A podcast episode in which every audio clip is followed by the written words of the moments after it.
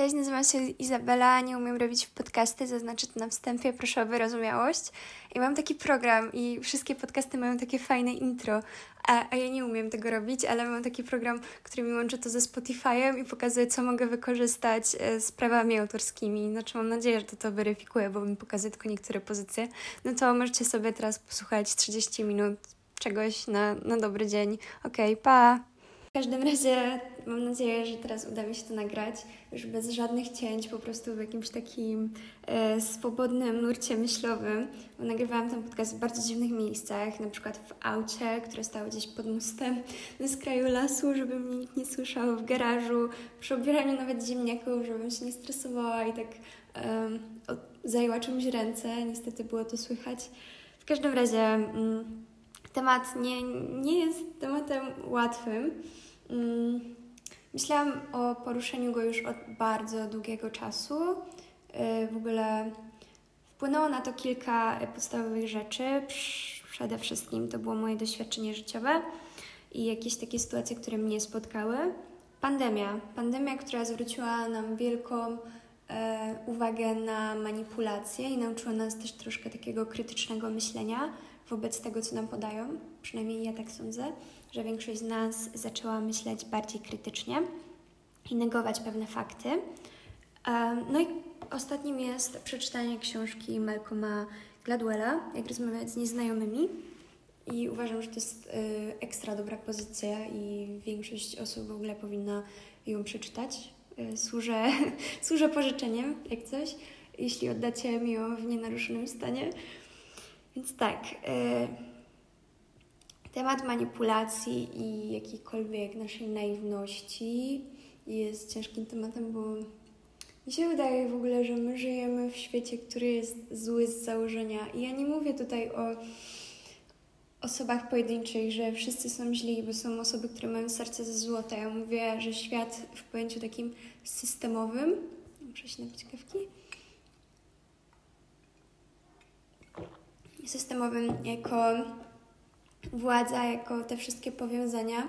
Y, ten system nie chce dla nas dobrze, bo nie ma w tym interesu i to wszystko dąży do pomnażania kapitału, pieniędzy, władzy i świata jako ten system, w którym żyjemy i nie, nie ma tak naprawdę żadnego interesu w tym, aby nam było dobrze, więc stosuję różne techniki manipulacji i my tak naprawdę no, jesteśmy dorosłymi ludźmi i chyba każdy zdaje sobie sprawę, że jesteśmy troszkę pionkami, mróweczkami i czasami nie wiemy, co jest za tą zasłoną. Miałam w ogóle fajną rozmowę z moim kolegą na temat tego, że nie można zniszczyć systemu, bo nie wiemy, co jest za nim, co się kryje, jakie mechanizmy, osoby i powiązania. To po pierwsze, a po drugie, sami jesteśmy systemem ciężko jest walczyć z czymś, w czym nieustannie żyjemy, jesteśmy e, przez to kreowani. No, nieważne, to, to nie jest na teraz. E, tak, więc ja miałam taki okres w życiu, to było rok temu, kiedy czułam się ekstremalnie naiwna, wykorzystana po prostu do granic możliwości. Bardzo to efektowało na moją psychikę. E, bardzo długo zajęło mi dojście do siebie. I ja byłam troszkę chyba taka osadzona w nicości. Jakby nie chciałam za nic wracać do przeszłości, za nic, za nic, a jednocześnie nie mogłam zrobić kroku w żadnym nowym kierunku i sobie tak chyba zwisałam w tym eterze i zaczęłam pogłębiać tą swoją taką wiedzę na temat manipulacji, e, kłamstw i też takiej psychiki ludzkiej i tego wszystkiego. Więc chciałabym tutaj swoim bardzo amatorskim tokiem myślowym się podzielić. Można się w ogóle tutaj posłużyć takim chyba najbardziej oczywistym przypadkiem, e, przykładem, gdy cały świat dał się nieco zmanipulować, jakim jest II wojna światowa i Hitler, gdzie większość e, polityków, osób rozmawiających z Hitlerem dało się kompletnie omamić, zmanipulować, czy to był Chamberlain, czy to był Henderson, czy to był Halifax, osoby wykształcone, wydawałoby się obyte w świecie, a mimo wszystko e, tyle tysięcy, milionów osób dało się zwieść tej osobie. I wydaje mi się to wciąż po tylu latach w ogóle nie, niewyjaśnione. I to ten temat porusza również e, Malcolm Gladwell w swojej książce, a mianowicie, że wszyscy dali się e, omamić e, Adolfowi, bo nikt nie spodziewał się, że Führer ma nieczyste zamiary i dąży do wojny. Wszyscy uważali, że kanclerz Rzeszy nienawidzi wojny tak samo jak wszyscy, jak powiedział Henderson, i że wszystko się skończy na Czechosłowacji. No i tutaj nie trzeba chyba więcej mówić, nie trzeba przedstawiać skutków katastroficznych i dalszego biegu tych wydarzeń. Ale zacznijmy właśnie od takich podstawowych spraw. Dlaczego jedna osoba jest w stanie tak bardzo manipulować innymi?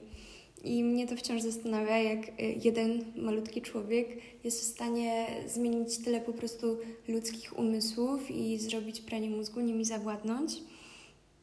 I ma to tak katastroficzne skutki. No i yy, na ratunek przychodzi nam tutaj yy, teoria prawdy poznawczej, opracowana przez Levina. I teoria ta głosi, że my jako ludzie z założenia myślimy, że inni są dobrzy. Dobrzy? Dobrzy? Przepraszam. No i sama zrobiłam sobie taki mały eksperyment społeczny. Społeczny, za dużo powiedziane, ale tak po prostu pisałam moim znajomym: Cześć, myślisz, że ludzie są dobrzy czy źli z założenia? Kompletnie tak bez niczego pytanie rzucone w eter. Jestem wdzięczna moim znajomym za to, że oni w ogóle nie dopytują, nie negują tego, po co ci to, o co ci chodzi, tylko od razu odpowiadają. I dostałam bardzo dużo różnych odpowiedzi tam niektórzy w ogóle jakieś hermeneutyki weszły, że to są dwa jednego końca, nie ma dobra i zła i tak dalej, ale sedno jest takie, że większość osób powiedziała, że ludzie nie rodzą się źli, że dzieci nie są z natury złe, że to środowisko nas kształtuje, że ludzie z założenia nie są źli i chyba to były przeważające odpowiedzi, jak nie prawie wszystkie. I to jest właśnie też sedno tej prawdy poznawczej, że my wierzymy w to, że każdy ma wobec nas e, czyste cele, zamiary no i bardzo dobrze, no bo nie sposób y, w ogóle myśleć, że wszyscy ludzie chcą dla nas źle na tym świecie, bo szłoby zwariować i nie jesteśmy w stanie po prostu poddawać y, wszystkich ludzi analizie. No niestety przydałoby się czasem, ale jest to niewykonalne. I my wszyscy zakładamy, że ta pani w kasie biletowej yy, mówi nam prawdę, ile kosztuje bilet i o której godzinie odjedzie, no bo myślimy, że nie ma powodu kłamać. I to jest właśnie to założenie, które jest bardzo zgubne przy większości osób, ta teoria prawdy domyślnej, że my od razu zakładamy, że ktoś jest szczery i tak. Kolejną istotną sprawą wydaje mi się pułapka potwierdzenia. Jest to coś, e, o czym się dowiedziałam na przedmiocie mediacje i negocjacje i powiedziała nam o tym pani profesor i zaczęłam później tak mm, myśleć nad tym szerzej, że my chyba wszyscy żyjemy w takiej swojej bańce, nie tylko w tych negocjacjach i mediacjach, my szukamy potwierdzenia swoich idei, ale na co dzień w życiu każdy z nas ma już jakieś swoje utorowane przekonania i szuka tylko potwierdzenia, e, a nie tak naprawdę zaprzeczenia ich. I być może wszystko to można tłumaczyć tym, że Chamberlain i jemu podobni z tych czy innych powodów byli zdeterminowani, żeby zobaczyć Hitlera takim, jakim go chcieli widzieć bez względu na te dowody, których dostarczały im uszy i oczy. Bo my często mając już jakieś wyrobione zdanie, yy, mimo że ktoś mówi zupełnie coś innego, usłyszymy tą jedną rzecz, yy, która da nam potwierdzenie naszej teorii i my już się tego kurczowo trzymamy. Po prostu ktoś nam da paluszek, a my już, yy, my już po prostu wszystko widzimy tak, jak chcemy to widzieć. Nie wiem, czy, czy mówię zrozumiale w ogóle, czy łapiecie myśl, muszę się napić kawki.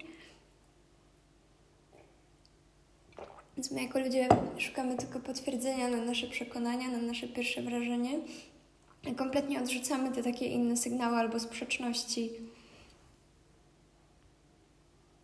Wydaje mi się, że dochodzi tutaj jeszcze taki problem racjonalizacji, że my bardzo często racjonalizujemy osoby, jeśli nam na nich zależy, e, albo być może nawet nie na tych osobach, na których nam zależy. Ogólnie racjonalizujemy ludzi. To ma chyba też związek z naszym ego, że jeśli ktoś nas wystawi, ktoś nas okłamie albo skrzywdzi, to my lubimy to usprawiedliwiać e, tym, że to nie chodzi o nas, że po prostu ta osoba być może spóźniła się, ponieważ coś ważnego wypadło, albo powiedziała tak, ale tak wcale nie sądzi, że to było pod wpływem emocji.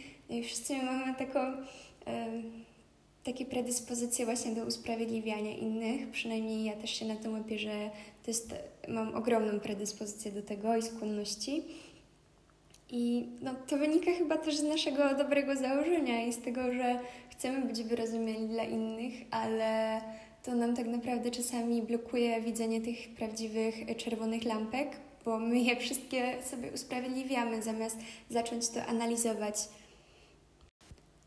Chyba dopiero kiedy te takie czerwone flagi już naprawdę przekroczą granice, to my zaczynamy dopiero y, to wszystko kwestionować, w co my wierzyliśmy, w te swoje pierwsze założenia i wrażenia, bo wyjście z trybu prawdy domyślnej wymaga jakiegoś takiego bodźca wyzwalającego i taki bodziec to nie będzie to samo, co pierwszy e, cień wątpliwości, tylko wypadamy z tego trybu dopiero, kiedy pojawiają się tak, takie argumenty definitywnie przemawiające przeciwko naszemu początkowemu założeniu, czyli nie zachowujemy się jak trzeźwo myślący naukowcy, którzy powoli tam zbierają dowody na prawdziwość lub nieprawdziwość czegoś, zanim sformułują wnioski, tylko przeciwnie, my zaczynamy od dobrej wiary, a przestajemy komuś wierzyć dopiero, kiedy nasze wątpliwości i obawy staną się na tyle e, duże, że już nie potrafimy ich sobie racjonalizować. O, to, o czym mówiłam, że no nie potrafią przemówić przez nas żadne uzasadnienia, dlaczego ktoś kłamie, dlaczego ktoś nas wystawił, dlaczego ktoś tak manipuluje rzeczywistością i dopiero wtedy wychodzimy z tego trybu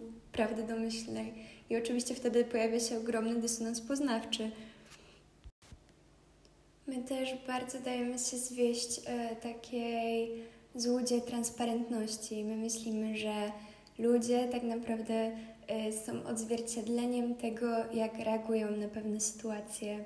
Mm, nie wiem, czy to ma sens, co powiedziałam, ale chodzi mi o to, że oczekujemy po prostu danych zachowań od danych osób w danych okolicznościach.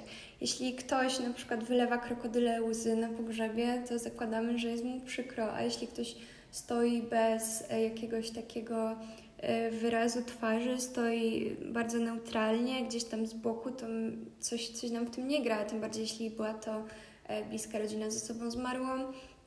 I my często dajemy się te, temu zwieść, a to przecież jest kompletnie złudne, bo każdy reaguje inaczej, a czasami pewne emocje są tak w nas wbite, że nie sposób ich okazać, że to jest w ogóle zbyt wielki szok i czasami nie widać, e, nie, nie widać tych naszych emocji, a my ich bardzo oczekujemy od innych osób.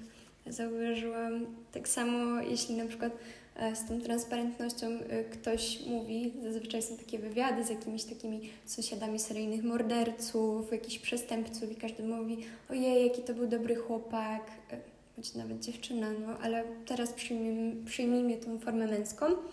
E, jaki to był dobry chłopak, taki miły, taki dobry, no nie wierzę. I my My wszystko to wybieramy na podstawie tych założeń, transparentności reakcji, czy nawet wyglądu.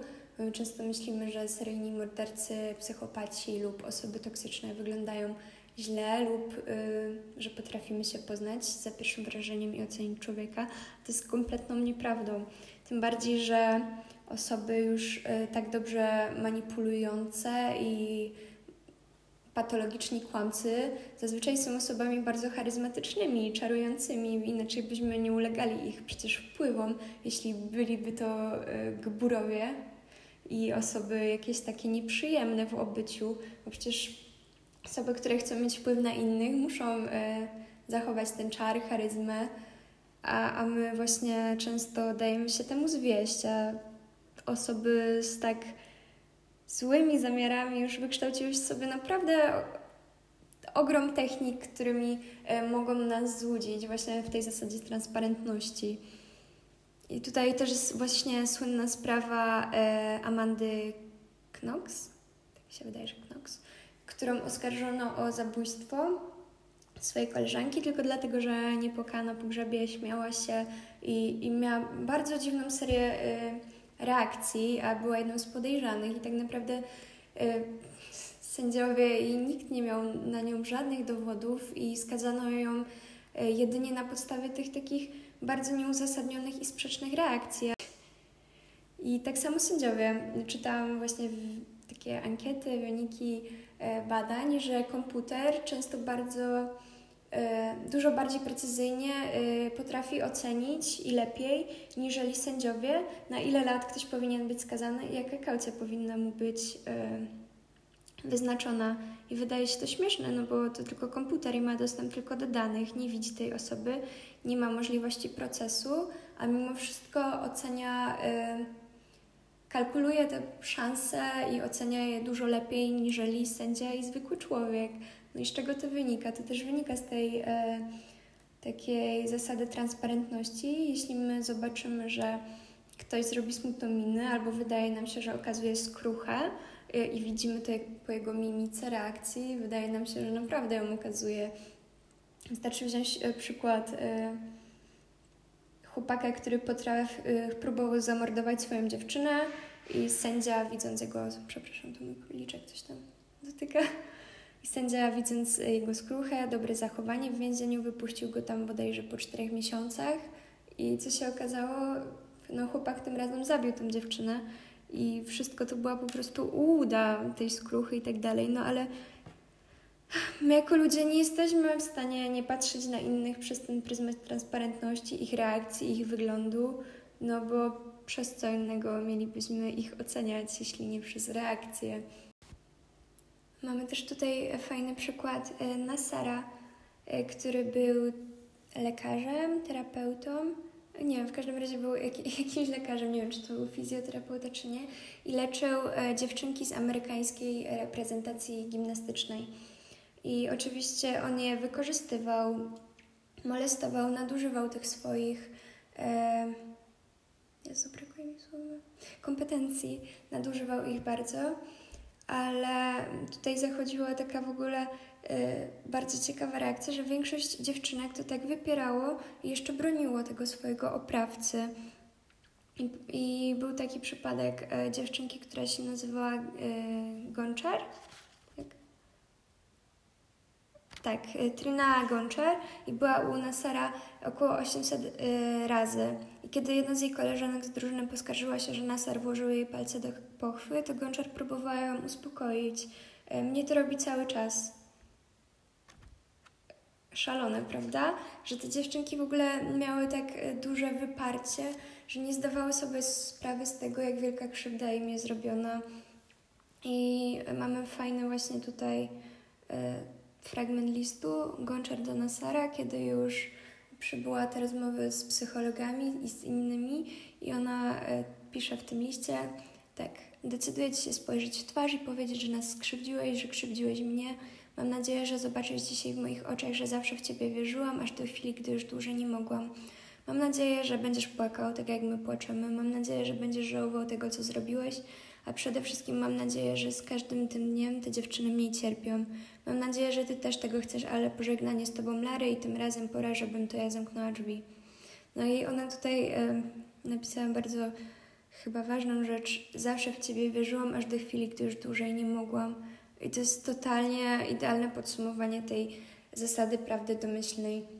My tak bardzo czasami chcemy wierzyć w pewne osoby, w osoby nam bliskie, w ich dobre intencje i zamiary, że my kompletnie nie przyjmujemy niczego, co by temu przeczyło. I chyba też taka nasza empatia i miłość do innych osób i przywiązanie, które jest chyba najwyższą formą miłości, przywiązanie, Mm, nam to utrudnia rozpoznać prawdziwe intencje e, innych osób. Przecież tyle z mężczyzn, którzy manipulują kobietami bądź je okradają, rozkochując je w sobie. E, tyle jest po prostu e, ludzi, którzy molestują innych, a tak naprawdę nigdy nie zostali złapani, bo potrafią tak dobrze operować tymi emocjami. No i ta dziewczynka e, Gonczar też była przywiązana do swojego terapeuty, jeśli była u niego 800 razy i bardzo mu ufała. I,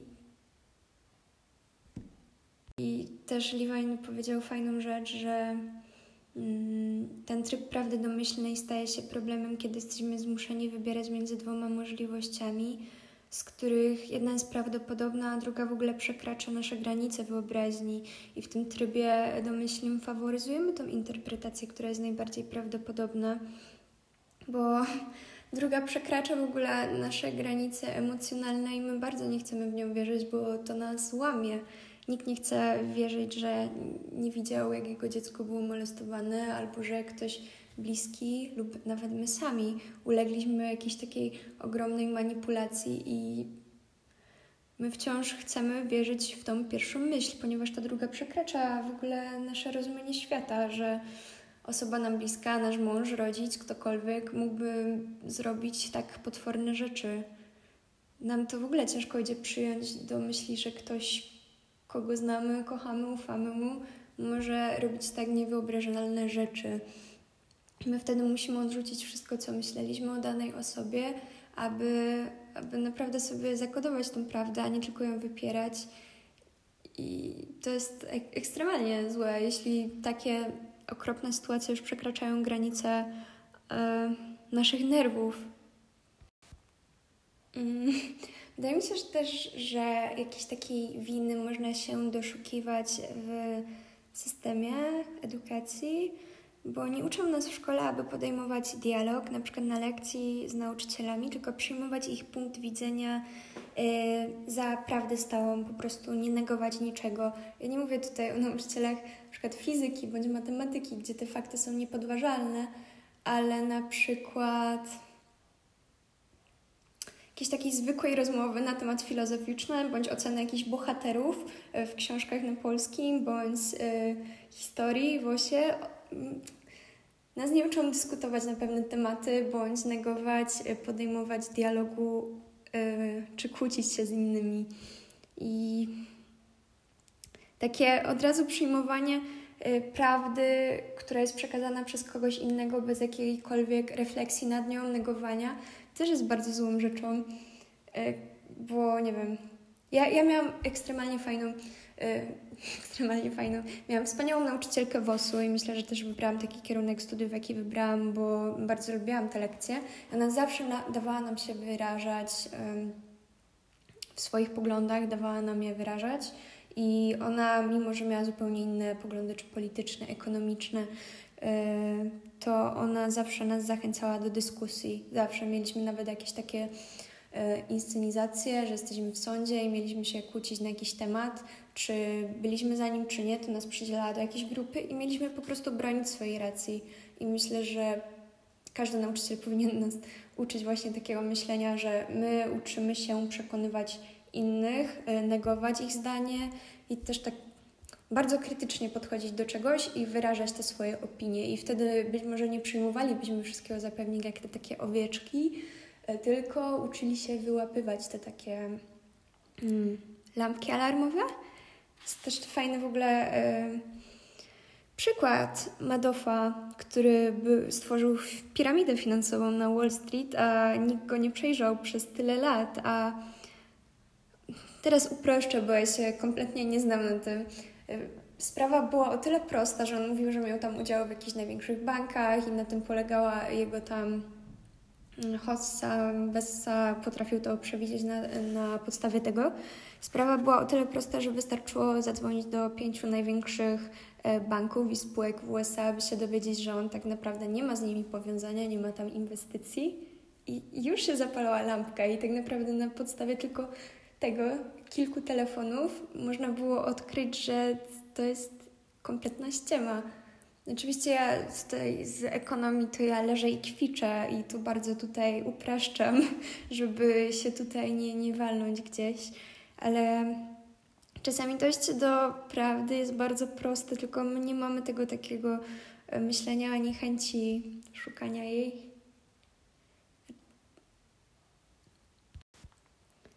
Więc jeśli amerykański wywiad, amerykańskie CIA jest się w stanie pomylić do tylu podwójnych szpiegów, jeśli sędziowie się mylą tak często co do osadzonych i wyroków, jeśli pół Ameryki i inwestorów się myliło do Macduffa, wszyscy się myliliśmy co do Hitlera i codziennie wszyscy dajemy sobą manipulować i się okłamywać, to może przestańmy mieć do siebie też tak duże pretensje, jeśli już do tego dojdzie, bo pewnych sytuacji nie jesteśmy w stanie przewidzieć. Jeśli Ty czułeś się tak samo źle jak ja, ponieważ ktoś Cię skrzywdził i okłamywał nieustannie i być może wydaje ci się, że jesteś najgłupszą osobą na świecie, jak mi się wydawało przez długi czas, e, albo sobie nie możesz wybaczyć pewnych mm, zachowań, to może pora po prostu przyjrzeć się innym i dojść do wniosku, że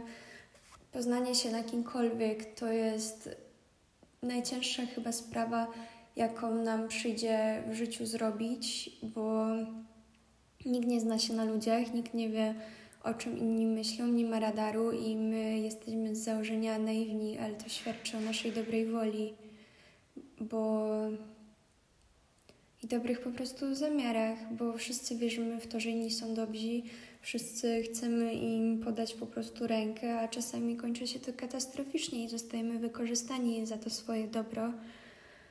Ale może warto, jak to Kuniewska mówiła, obrać inny punkt widzenia.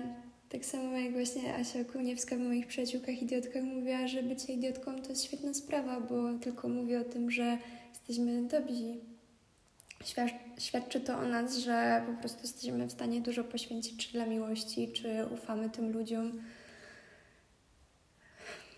Tak, to, to chyba wszystko, co chciałam powiedzieć, bo siedziało to u mnie ekstremalnie długo i sama czułam się strasznie źle i pewnie jeszcze ktoś mnie w życiu oszuka tysiąc razy, ale już po tych kolejnych razach nie będę mieć tyle pretensji do siebie, co miałam je kiedyś i myślę, że też, też nie powinniście aż być tak surowymi dla siebie.